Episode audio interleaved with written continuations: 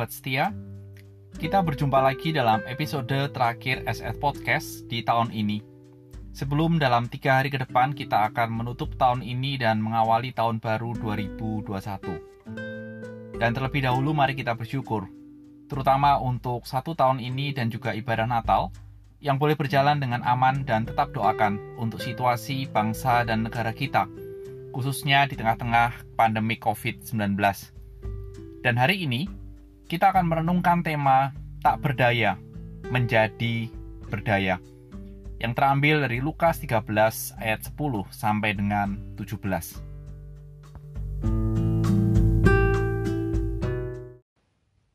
Pada suatu kali, Yesus sedang mengajar dalam satu rumah ibadat pada hari Sabat. Di situ ada seorang perempuan yang telah 18 tahun dirasuk roh sehingga ia sakit sampai bungkuk punggungnya dan tidak dapat ber berdiri lagi dengan tegak. Ketika Yesus melihat perempuan itu, ia memanggil dia dan berkata kepadanya, "Hai ibu, penyakitmu telah sembuh." Lalu ia meletakkan tangannya atas perempuan itu, dan seketika itu juga berdirilah perempuan itu dan memuliakan Allah. Tetapi kepala rumah ibadat gusar karena Yesus menyembuhkan orang pada hari Sabat. Lalu ia berkata kepada orang banyak, "Ada enam hari untuk bekerja, karena itu datanglah pada salah satu hari untuk disembuhkan dan jangan pada hari Sabat." Tetapi Tuhan menjawab dia, katanya, "Hai orang-orang munafik, bukankah setiap orang di antaramu melepaskan lembunya atau keledainya pada hari Sabat dari kandangnya dan membawanya ke tempat minum?" Bukankah perempuan ini yang sudah 18 tahun diikat oleh iblis harus dilepaskan dari ikatannya itu karena ia adalah keturunan Abraham? Dan waktu ia berkata demikian, semua lawannya merasa malu dan semua orang banyak bersuka cita karena segala perkara mulia yang telah dilakukannya.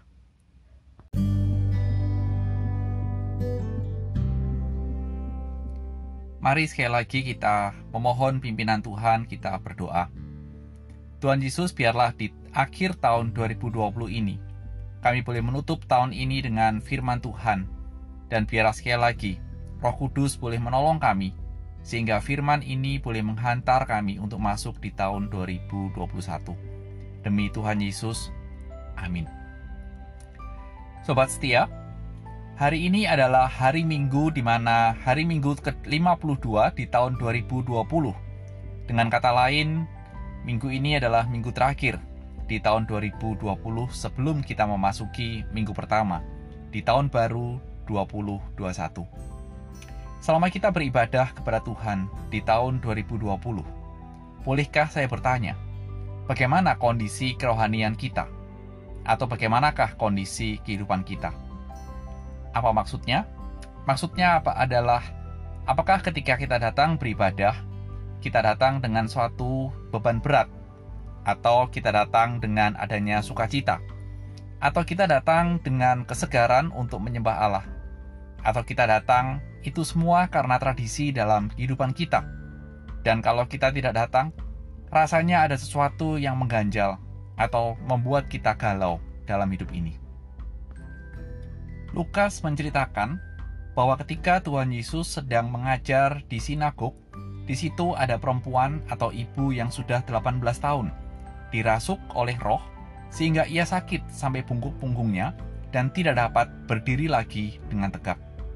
Ketika Lukas mencatat waktu selama 18 tahun dan dikaitkan dengan ibadah di sinagoge, terbayang oleh saya bahwa setiap hari sabat dia datang ibadah dengan kondisi sakit dan kira-kira apa yang diharapkan? Kalau kita menebak, sepertinya ibu itu pasti mengharapkan kesembuhan.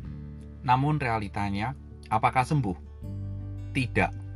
Dan berjalan dari tahun ke tahun selama 18 tahun, kita pun perlu bertanya, apakah masih ada semangat dan kekuatan untuk berharap bahwa sakitnya akan sembuh?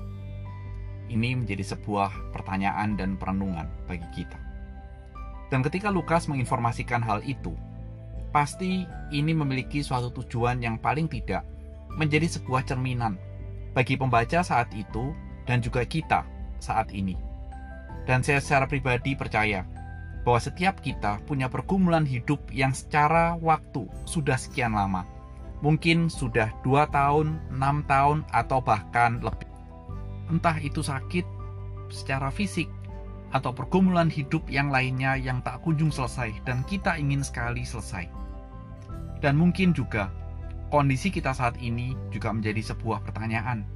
Karena bisa jadi bahwa kondisi kita tidak jauh beda dengan wanita dengan ibu itu entah sudah patah atau hilang harapan atau masih tersisa adanya kekuatan untuk kita berharap bahwa pergumulan kesulitan kita ini ada solusinya.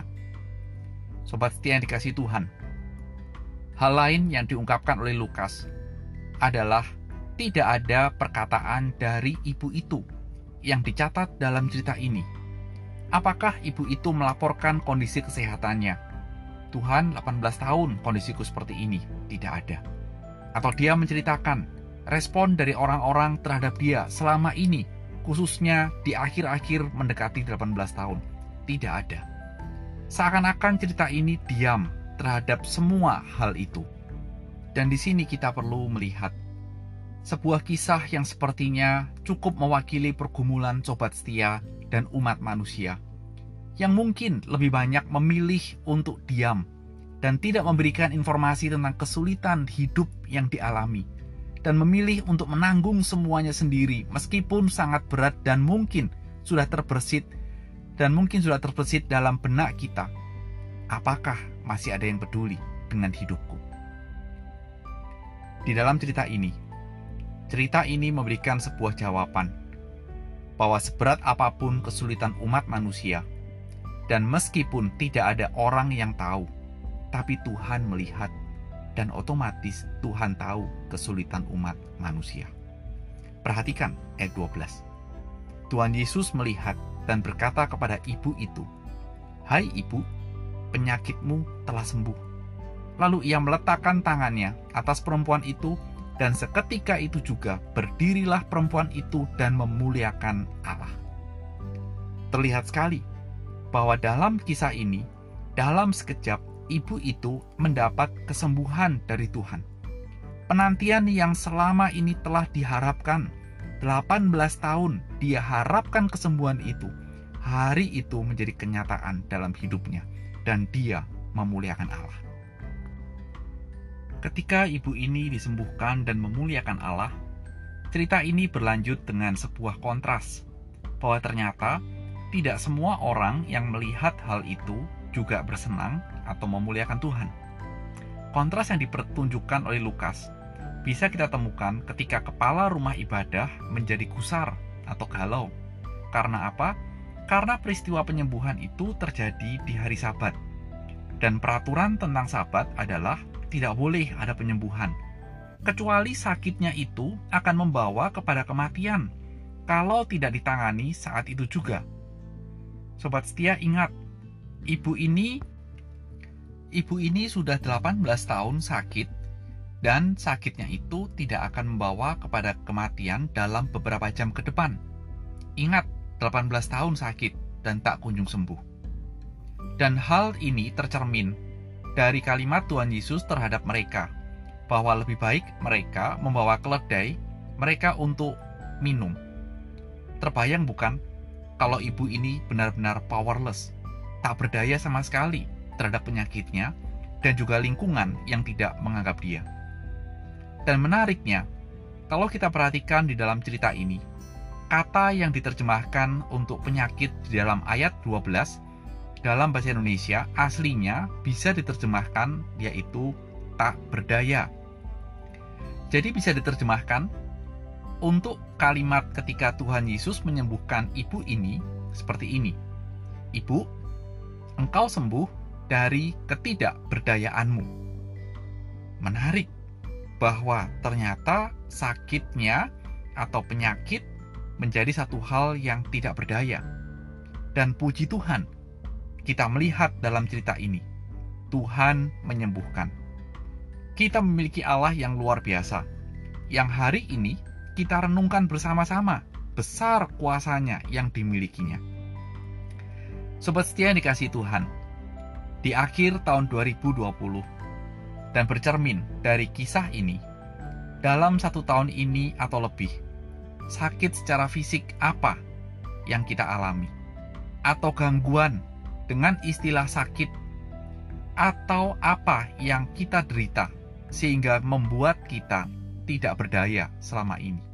Pergumulan apa yang membuatmu benar-benar powerless? Kalau firman Tuhan, hari ini kita bisa merenungkan menjadi penutup pada minggu terakhir tahun 2020. Saya percaya bukanlah suatu kebetulan. Mungkin saat ini engkau menyerah, Tuhan, sampai menutup tahun pun pergumulanku belum selesai. Tetapi firman Tuhan mengingatkan kita kembali bahwa ada sosok Tuhan Yesus yang di dalam cerita ini menyatakan belas kasihan dari Allah Bapa kepada kita. Dan kalau di cerita ini juga diceritakan Tuhan Yesus berinisiatif menyembuhkan. Percayalah bahwa Dia juga akan aktif menolong, memulihkan hidupmu yang engkau rasa betul-betul powerless, tidak berdaya di tahun ini untuk menyongsong tahun 2021. Sobat setia yang dikasih Tuhan, kiranya firman Tuhan, belas kasihan Tuhan dan kuasa dari Dia memulihkan hidupmu dalam menutup tahun 2020 dan menyongsong tahun baru 2021. Selamat tahun baru 2021, Tuhan Yesus bersamamu.